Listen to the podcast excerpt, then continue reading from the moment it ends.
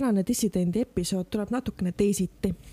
nimelt on taas kord äh, aeg äh, episoodiks nimega Marianne loeb muinasjutte ja seekordseks raamatu valikuks on Lõvi Leo, mille autoriks Kristiina Kass, illustreerinud Joonas Sildre ja ma loen siit äh, umbes viis-kuus lugu sobib niisama kuulamiseks, sobib lastele unejutuks, sobib iseendalegi unejutuks.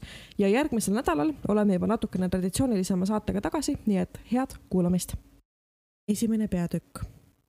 kuidas lõvi Leost politseilõvi sai? linna tuli tsirkus. seal esines peale koerte, kasside, küülikute ja papagoide ka lõvipoeg. lõvipoja nimi oli Leo ja ta oskas jalgrattaga sõita. Leo oli terve tsirkuse tõmbenumber ja jalgrattaga sõitmine oli tema lemmiktegevus aga siis võeti riigis vastu otsus, et tsirkuses ei tohi enam metsloomi pidada. seda peeti loomade piinamiseks. niisiis pidi tsirkus metsloomadest loobuma. koerte ja kassidega olnuks asi lihtne. Need targad ja dresseeritud loomad oleksid kergesti uue kodu leidnud. aga lõviga, kes oli selle tsirkuse ainuke metsloom, oli asi keerulisem. ehkki Leo oli veel lõvipoeg ega mitte mingi suur ja hirmuäratav täiskasvanud lõvi, ei julgenud keegi teda siiski koju lemmikloomaks võtta. isegi valvekoeraks mitte, kuigi too oleks kohe kindlasti kõik pahade kavatsustega majja tungivad röövlid eemale peletanud. tsirkuse direktor Tino Tiritamm andis lõvi Leole kätte tema viimase kuu esinemistasu, patsutas õlale ja ütles, armas Leo, kahju küll aga sinule me uut kodu ei leidnud. võid küsida loomaaiast, äkki seal on mõnda sinusugust vaja. lõvileo jäi väga nukraks. veidike leevendas tema kurbust armsaks saanud jalgratas, mille tsirkuse direktor talle kaasa andis. mida ma nüüd siis teen, muretses Leo. kuhu ma lähen? loomaaeda ei taha ma küll elama minna. seal ei lubata mul vist jalgrattagagi sõita Leo lonkis ratast käpa kõrval talutades mööda linna ringi. uitas siin ja seal, käis tiigi ääres parte vaatamas, ronis puu otsa ja istus seal mõtlikult tükk aega. siis tuli ta jälle alla, sest kaua sa ikka niimoodi üksipäini puu otsas kükitad. Leo istus oma ratta selga ja hakkas ajaviiteks ümber purskkaevu tiirutama. korraga marssis lõvi poole kaks sinises mundris politseinikku. üks neist konstaabel Kivikäkk viipas Leole käega. Leo peatas ratta. hästi sõidad, kiitis ta. aga miks sul kiivrit pole? niiviisi võid pikali kukkudes pea katki lüüa. ma olen ettevaatlik, lubas Leo ja kavatses jälle ratta selga ronida. aga nüüd võttis teine konstaabel nimega Majasokk lenkstangist kinni ja jäi ratast uurima muidu täitsa uhke ratas, aga sul pole siin ei tulesid ega isegi mitte helkureid, noomis ta. kes sind niimoodi pimedas näeb? ma sõidan ainult valgel ajal, lubas Leo. aga politseinikud ei lasknud tal veelgi minna. palun dokumendid, ütles konstaabel Kivikäkk. mis dokumendid, ei saanud Leo aru. tsirkuses polnud keegi kunagi mingeid dokumente küsinud. isikut tõendavad dokumendid, paberid. Leo läks ähmi täis tal polnud muid pabereid kui need mõned rahatähed, mis tsirkuse direktor oli talle palgaks tasku, tasku pistnud. nüüd võttis Leo rahapaberid välja ja torkas need konstaabel Kivikägi pihku.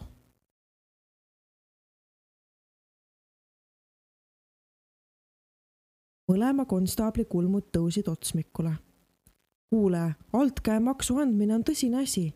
me peame seda nüüd jaoskonda selgitama minema, teatas konstaabel Majasokk ja haaras lõvi Leol ühe kaenla alt kinni ja politsei eest oma isiku varjamine on samuti tõsine asi, lisas konstaabel Kivikäkk ja võttis Leol teise kaenla alt kinni. vaba käega haaras ta Leo rattast. nii talutasid nad vaese Leo koos jalgrattaga politseijaoskonda. vangi lõvi Leod muidugi ei pandud ja ka trahvi maksmisest ta seekord pääses. kui ta oli oma kurva loo politseinikele ära rääkinud, pistsid need hoopis oma targad pead kokku ning tegid Leole varsti toreda ettepaneku. kuule, Leo, ütles ülemkonstaabel Overlock oma vuntsi siludes. me siin arutasime asja. meil jäi just hiljuti politseikoer pensionile ja nüüd vajaksime uut hea ninaga abilist. kas sinul on hea nina? Lõvi-Leo nägu lõi hea meelest särama. on küll, ma tean näiteks, et sul on kotis singivõileivad. Ta limpsas keelt, sest järsku meenus talle, et polnud terve päev läbi midagi söönud. kõhka korises. suurepärane, meil on siin üks vana diivan, kui see sulle magamiseks kõlbab, siis sa võid siia elama jääda tere tulemast meie jaoskonda, politseilõvi Leo. ülemkonstaabel Overlock surus kokkuleppe märgiks lõvi Leo käppa ning kõik teised politseijaoskonna töötajad plaksutasid käsi. Õnnest naeratavale Leole pandi pähe politseimüts ja ülemkonstaabel Overlock kinkis talle oma singi võileivad. nõnda siis sai lõvi Leo korraga nii uue kodu kui ka uue töökoha nagu kuulajad juba võisid aru saada, siis esimene peatükk oli kõigest kuus lehekülge ja minutit. ehk siis vaatame, kauaks jaksu on ja jätkame teise peatükiga. Lõvi Leo läheb poodi. Lõvi Leo oli oma uue elu ja tööga politseijaoskonnas väga rahul.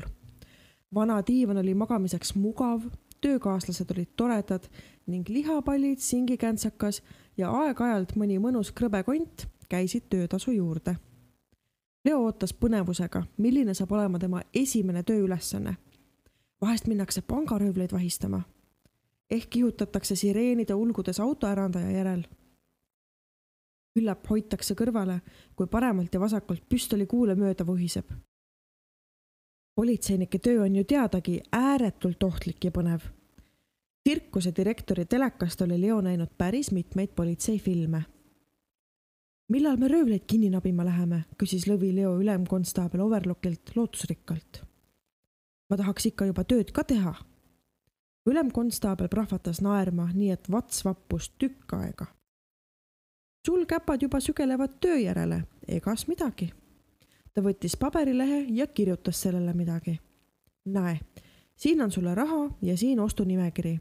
meil on kohv ja saiad otsas, ole mees, käi poes ära pettunud lõvi Leo võttis raha vastu ja torkas ostunimekirja taskusse. paberile oli kirjutatud pakk kohvi, purk piima, kilo banaane, kümme saiakest ja kaks lihapirukat. Kui Leo oleks lugeda osanud, siis oleks ta ehk arvanud, et lihapirukad olid mõeldud temale. aga lõvipoiss oskas hädavaevu ainult oma nime veerida. Leo võttis jalgratta ja väntas poe poole poenurgal nägi ta ühte vana ja viletsate riietega eidekest, kes põlvitas maas ega rääkinud sõnagi. iga kord, kui keegi poe ukse poole sammus, ulatas eit mööduja poole paberilehe, kuhu oli midagi kirjutatud. mõni heitis paberile pilgu, aga suurem osa marssis lihtsalt pead raputades mööda. Leol hakkas heidest kahju. ta pani ratta poe kõrvale ja astus tädikese juurde jälle sirutas vanake oma kirja välja. aitäh, väga ilus silt, ütles Leo, võttis paberi Heide käest, murdis selle kokku ja pani taskusse. seejärel sammus ta üle poe ukse ja oli väga rahul, et oli saanud tädile head meelt teha. Leo ei näinudki, et Heideke polnud tegelikult sugugi rõõmus, et mingi võõras poiss oli tema vaevaga meisterdatud kirja käest võtnud. pahaselt jäi ta ootama, kui kurikael poest jälle välja tuleb Lõvi-Leo ei mäletanud täpselt, et mida ta pidi poest tooma. kohvi ja saiakesi vist. aga millist kohvi ja kui palju saiakesi? ta võttis paberilipiku taskust välja, läks kassaneiu juurde ja pani ostunimekirja letile. Tüdruk tervitas Leod naeratades ja hakkas paberit lugema. ta luges, heitis siis kohkunud pilgu lõvipoisi poole ja jäi jälle paberit vaatama. nüüd oli ta näost valgeks muutunud ega naeratanud enam ta kutsus hirmust käheda häälega kohale teise müüja, näitas talle paberilehte ja heitis Leo poole tähendusrikka pilgu. teine müüja muutus samamoodi kahvatuks, aga ei jäänud leti taha värisema, vaid kadus taha ruumi. Leo taipas. poemüüjad polnud ilmselt varem lõvisid kohanud. mõni ime, et nad ehmatavad. Leo naeratas laialt, viipas käpaga paberile ja selgitas ärge kartke, ega ma teid ära ei söö. palun lihtsalt seda, mis seal kirjas on. raha on. aga selle asemel, et maha rahuneda, hakkas kassatüdruk hoopis nutma. Nüüd olid jäänud ka mitmed poekülastajad imelikku vahejuhtumit pealt vaatama. Lõvi-Leo ei saanud asjast enam mitte midagi aru. ma ju ei hammusta, ma tahan lihtsalt süüa korraga kostis poeukse suunast ülemkonstaabel Overlocki range hääl. siin on politsei, teie seal poes, tõstke käed üles. maja on ümber piiratud, te ei pääse põgenema. Kõik poekülastajad ja müüjad tõstsid ehmunult, aga kuulekalt käed üles. ka Leo oli käpad püsti ajanud. põnevusest värisedes pöördus ta ennast ümber, näinud aga tuttavat politseinikku, tundis pigem pettumust kui kergendust. Leo, pahvatas ülemkonstaabel Overlock hämmastunult mida sina siin teed? Leo oli sama hämmeldunud. ma tulin siia sisseoste tegema, sa ju ise saatsid mu poodi. Suust astusid nüüd sisse konstaablid Kivikäkk ja Majasokk. kus siis röövel on, nõudis Kivikäkk. noor poemüüja sirutas arglikult näpu välja ja osutas Leo poole. paistab, et sa oled siin päris paraja politseioperatsiooni korraldanud, noomis konstaabel Majasokk Leod ülemkonstaabel Overlock kortsutas kulmu. näidake mulle seda ähvarduskirja, palus ta müüjalt. too ulatas väriseva käega kirja. Tulen kaugelt ja olen näljane, andke raha. luges ülemkonstaabel Overlock kirja valju häälega ette ja vaatas küsivalt Leo poole. mis jant see veel on, ma ju andsin sulle raha, sa pidid kohvi ostma, aga mitte poodi röövima. Lõvi Leo vahtis segadust, tundes paberit. ma ei röövi poodi, see on ju see ostunimekiri, mille sa mulle kaasa andsid. miks sa kirjutasid, et anna raha? järsku laksatas Leo endale käpaga otsa ette. ossa, Sinder. See on hoopis selle vanatädi kiri. taipas ta ja naeratas kergendunult. poe uksel oli üks tädi, kes andis mulle selle kirja. nüüd võttis sõna üks poeklient, pikk prillidega mees mina ka nägin seda IT-jada kirja, ta tuli poe juurde kerjama, vist kuskilt väljamaalt tulnud, igatahes ei rääkinud ta midagi. Leo torkas nüüd käpa taskusse ja tõmbas välja teise kokkumurtud paberilehe. mis siia on kirjutatud, küsis ta ülemkonstaablilt. Kas see on sinu ostunimekiri? paistab tuttav. pakk kohvi, purk piima, kilo banaane, kümme saiakest ja kaks lihapirukat, luges ülemkonstaabel Overlock ja vangutas muiates pead nüüd, kus segadus oli lahendatud, vabandasid politseinikud poemüüjate ja klientide ees ärevuse tekitamise pärast. Nad teadsid, et kõik võivad minna oma pooleli jäänud asjatoimetusi jätkama. Ülemkonstaabel Overlock läks kohvipakki, saiakesi ja muud kraami otsima. Leo aga viis poe juures oodanud Heidekesele kirja tagasi, vabandas ja andis talle mündi. pärast vahejuhtumit poes otsustati politseis üksmeelselt, et Leol oleks vaja õppida lugema ja kirjutama et ei juhtuks enam selliseid tobedaid arusaamatusi. Lõvi Leo oli asjaga nõus, kirjaoskus on üks kasulik asi, arvas ka tema. ülemkonstaabel Overlock noogutas pead. Aga nägid, Leo, nabisemegi röövli kinni, naeris ta ja patsutas lõvipoisi õlga. sa ju tahtsid natuke põnevust, ohtu ja märulit. aga ega sa vist seda küll osanud aimata, et see röövel oled sina ise. kolmas peatükk Lõvi Leo ja jalgrattapäev.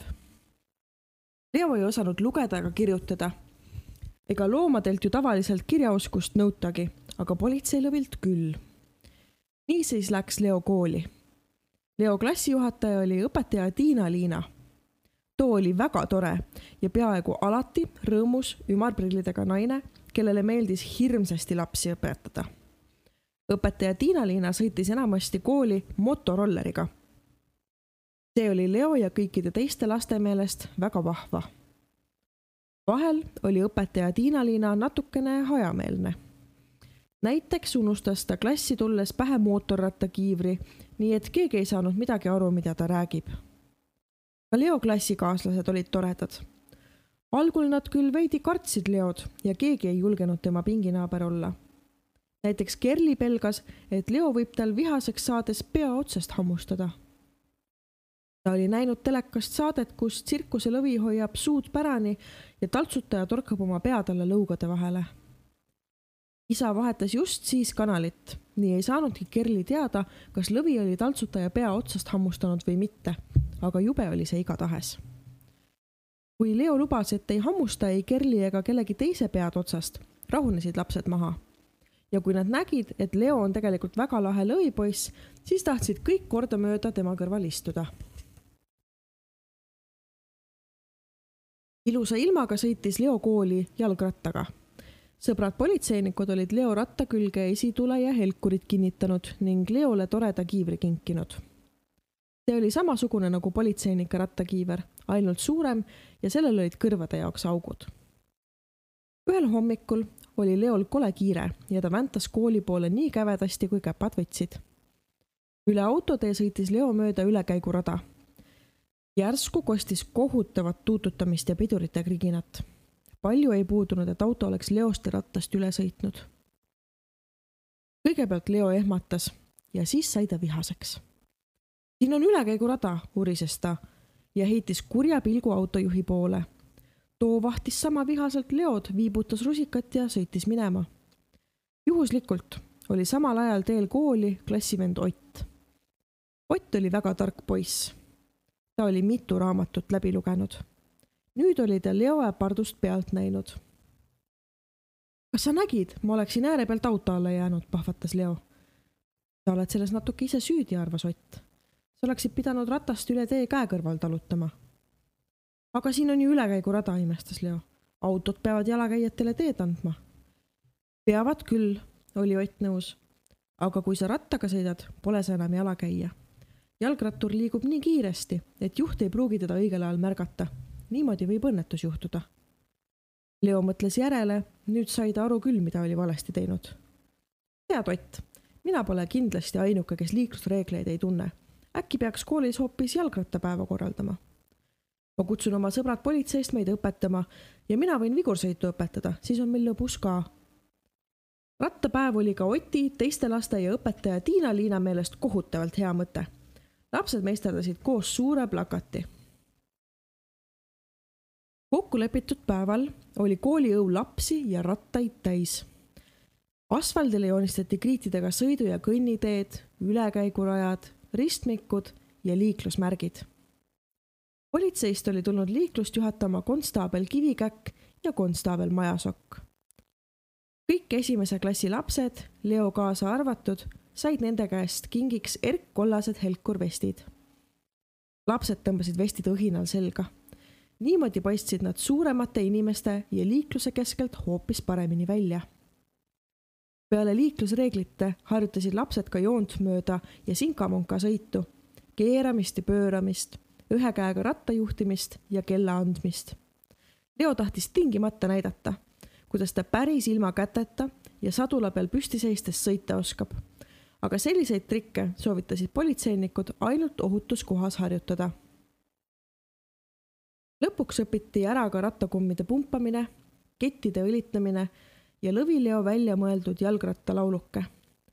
veel palju päevi hiljemgi kostis kooliõuelt ja kodudest, tänavatelt tuttav laul. aga päris õhtul, kui kõik koolilapsed ja õpetajad olid juba ammu koju läinud, harjutas õpetaja Tiina-Liina oma motorolleriga kooliõuele joonistatud tänavatel vigursõitu. kiiver peas ja puha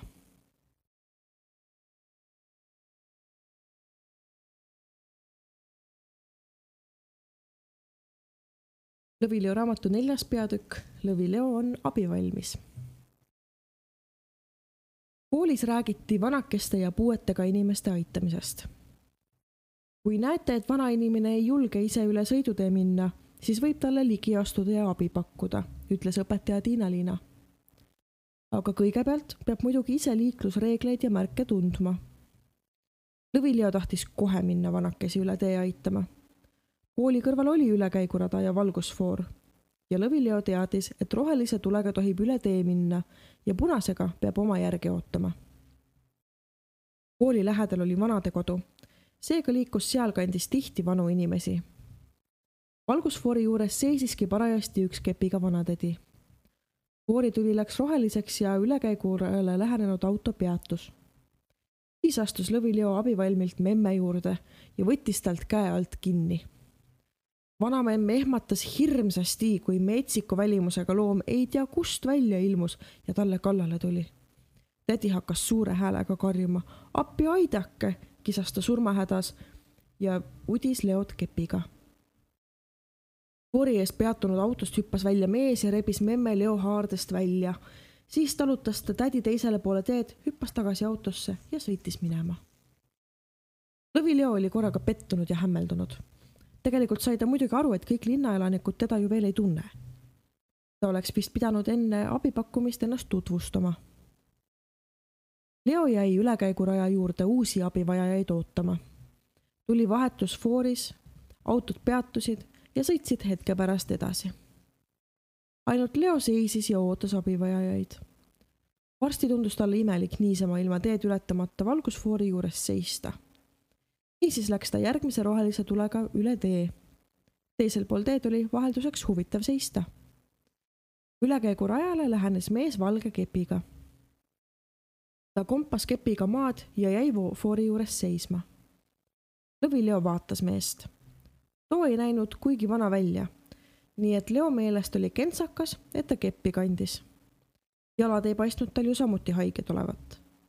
igaks juhuks otsustas Leo siiski oma abi pakkuda. Tere, mina olen Leo, tutvustas ta end kepiga mehele. kas ma saan teid aidata?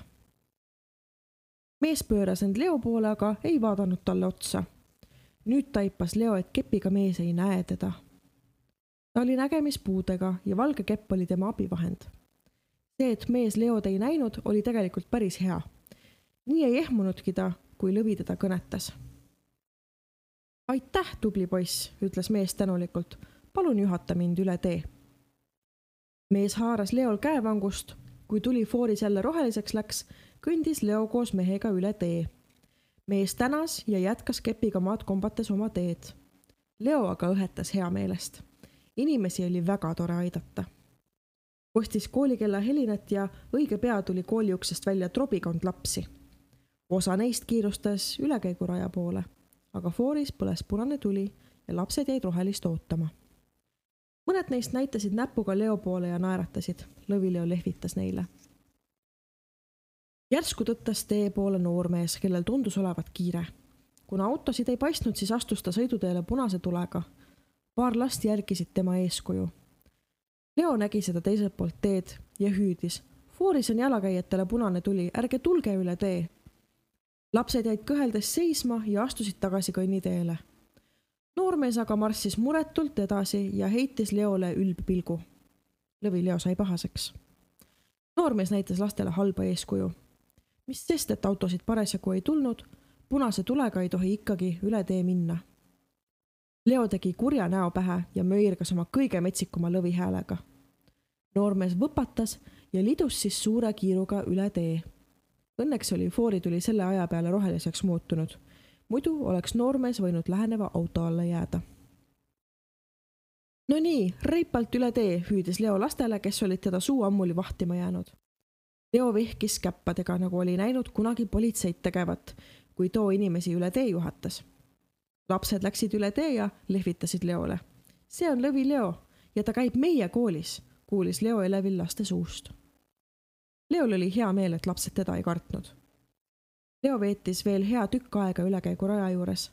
ta andis lastele nõu, millal tohib turvaliselt teed ületada. ta aitas üle tee ema beebikäru ja suurema lapsega, kes ei tahtnud ema käest kinni hoida veel abistas Leo ratastooliga vanaonu, kes ei saanud sõidutee äärekivist üle. kõige viimane abivajaja oli naine, kellel läks tee ületamist oodates järsku poekoti sang katki. poekott kukkus maha pikali ja ostud lendasid teele laiali. Lõvi Leo aitas naisel piimapakka, apelsine ja kohukesi kokku korjata. naine elas lähedal, nii et Leo aitas tal ostud lausa koju viia tänutäheks andis naine talle maasikamoosiga kohukese Leol oligi kõht tühjaks läinud. ta sõi kohukese ära ja asus kodu poole teele. politseijaoskonnas ootas teda kindlasti juba maitsev õhtusöök.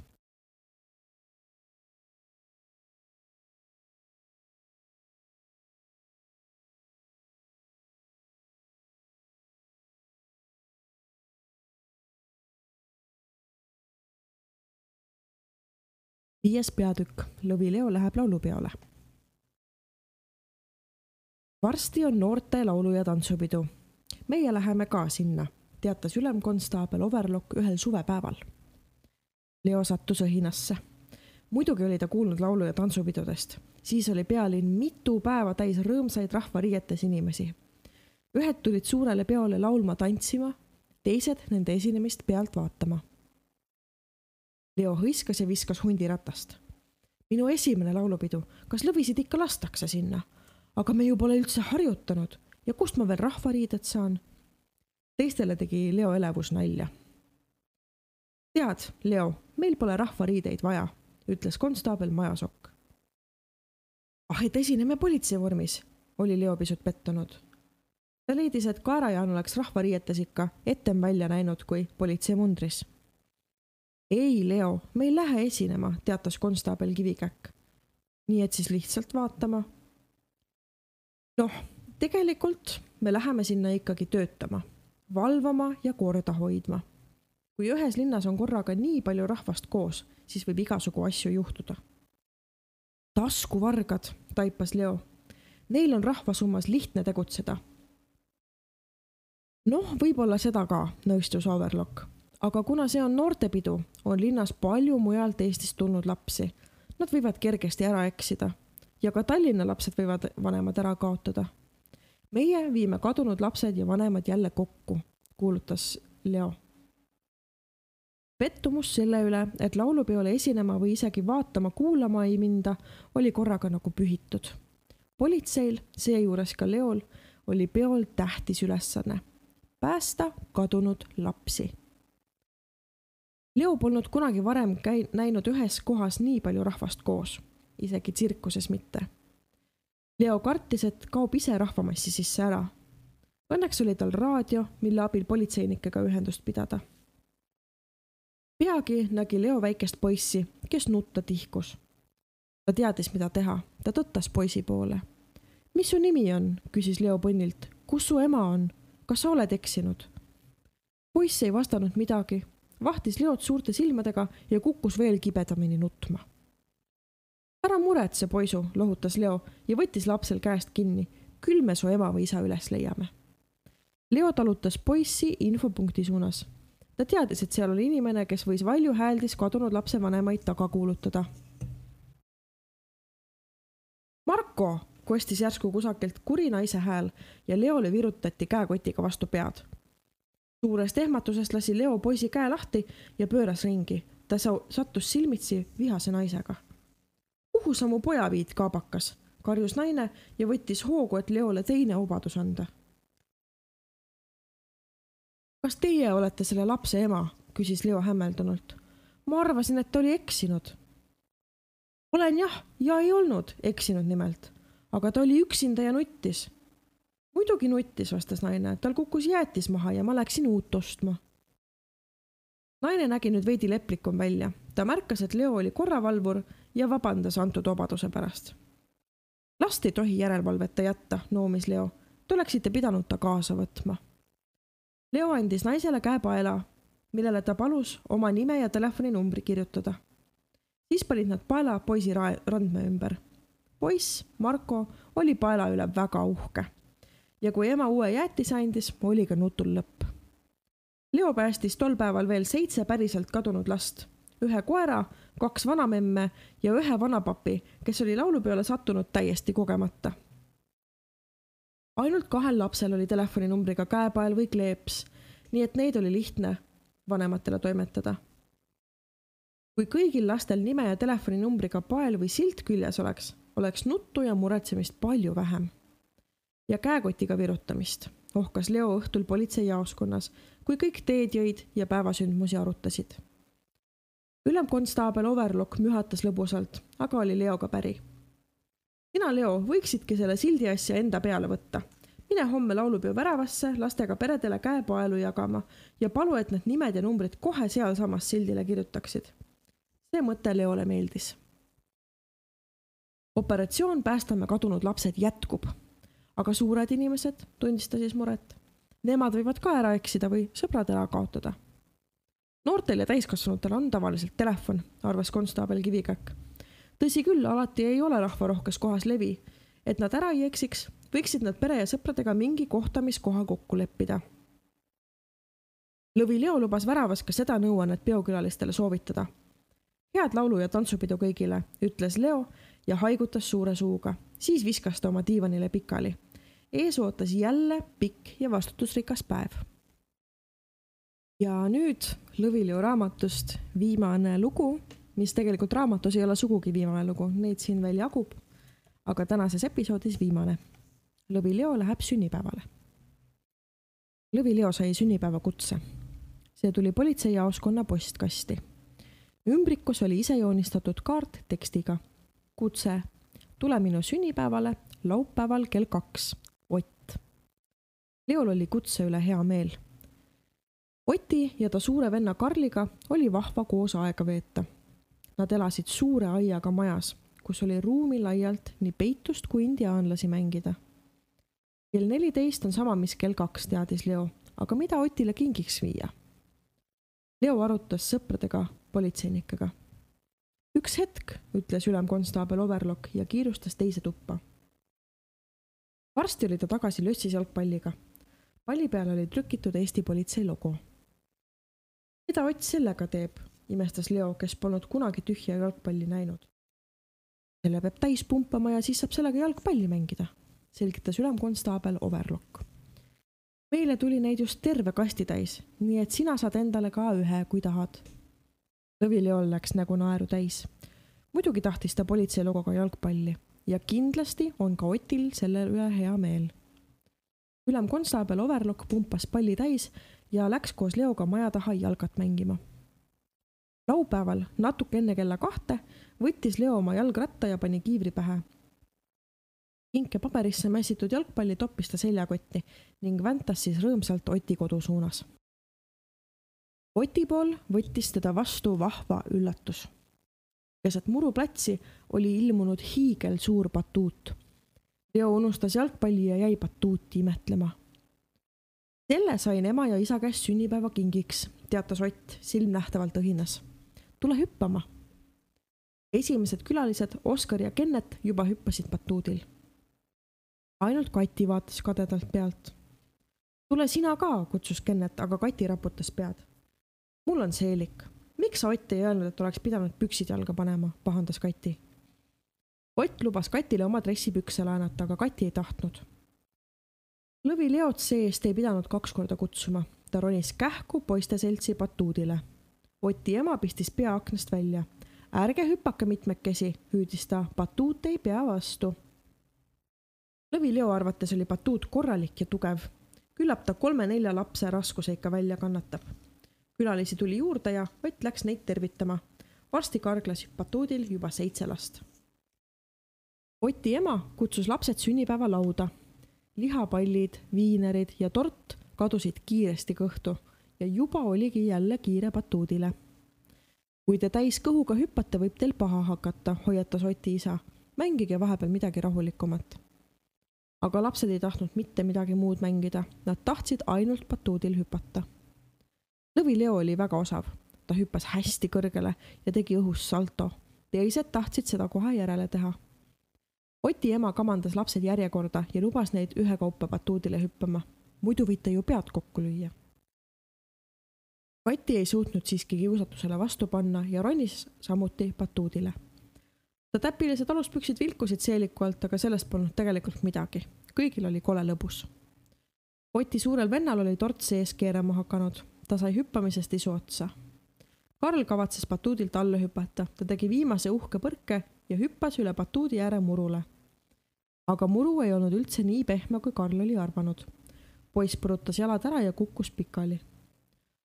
ai-ai, valus on, kurtis Karl ja hoidis jalgadest kinni. teised lapsed olid hüppamise ja kilkamise lõpetanud ning tulid nüüd Karli vaatama. Oti ja Karli vanemad tõttasid majast poja juurde mis juhtus, kust valutab, ega luu katki läinud, muretses ähmi täis ema. kas sa seista saad, küsis isa, vahest kutsume kiirabi. Karl ajas end püsti ja proovis kõndida. jalad valutasid põrutusest, aga luud tundusid olevat terved. ema ja isa uhkasid kergendusest. paistis, et seekord läks siiski õnneks. sünnipäevalised kavatsesid jälle batuudile ronida nüüd peate hüppamises küll veidi vahet pidama, ütles isa seepeale. ma unustasin batuudile turvavõrgu ümber panna. paistab, et ilma selleta on asi liiga ohtlik. Isa jäi emaga batuudile turvavõrku püstitama. lapsed jäid seda nõutult pealt vahtima. Neil oli natuke igav. mis me nii kaua teeme, oli Ott nõutu. Lõvileol tuli järsku hea mõte. mängime jalgpalli, hüüdis ta. Ott raputas pead. mul läks just pall katki Leo jooksis oma seljakoti juurde ja tiris sellest välja kingituse, mille oli unustanud Otile anda. Otil läks nägu nalja täis. ta rebis paberipalli ümbert ära. Ohoo, Eesti politseipall, rõõmustas ta. sünnipäevalistel polnud midagi pallimängu vastu. vahelduseks oligi päris tore jalgat mängida. ja kui Oti vanemad lõpuks ka turvavõrgu batuudi ümber said, siis läks osa lapsi jälle hüppama. seekord ühekaupa ja oma järge oodates niimoodi oligi tegelikult vahvam hüpata, kui terve suur batuut oli ainult iseenda päralt. Polnud trügimist, kokkupõrkamist ega üksteise otsast tallumist. Oti sünnipäevapidu oli ka kõikide meelest hirmus vahva pidu. ainult Karl oli natuke tujustera. mis seal ikka rõõmustada, kui jalad valutavad. Nende lugudega on dissidendi muinasjutu episood äh, otsa lõppenud siin on äh, umbkaudu kolmkümmend minutit äh, lugusid kuulata ise või äh, mängida unejutuks oma järelkasvule. Ehk siis te teate, ise valite. selline see episood sellel nädalal sai. järgmisel nädalal on meil vähemalt üks külalisepisood. tuleb juttu Eesti Laulust ja poolfinalistidest ja seal saates äh, olen mina, Marianne, ja külaline selgub juba uuel nädalal, see külaline on meile teada. aga tuleb tõdeda, et tegemist on vähemalt sama suure Eesti Laulu fänniga kui mina, mis tähendab, et äh, saates leiab aset Eesti Laulu poolfinalistide süvaanalüüs. olge selleks valmis, seniks olge tublid, olge terved, hoidke sotsiaalset distantsi ja kandke maski. aitäh kuulamast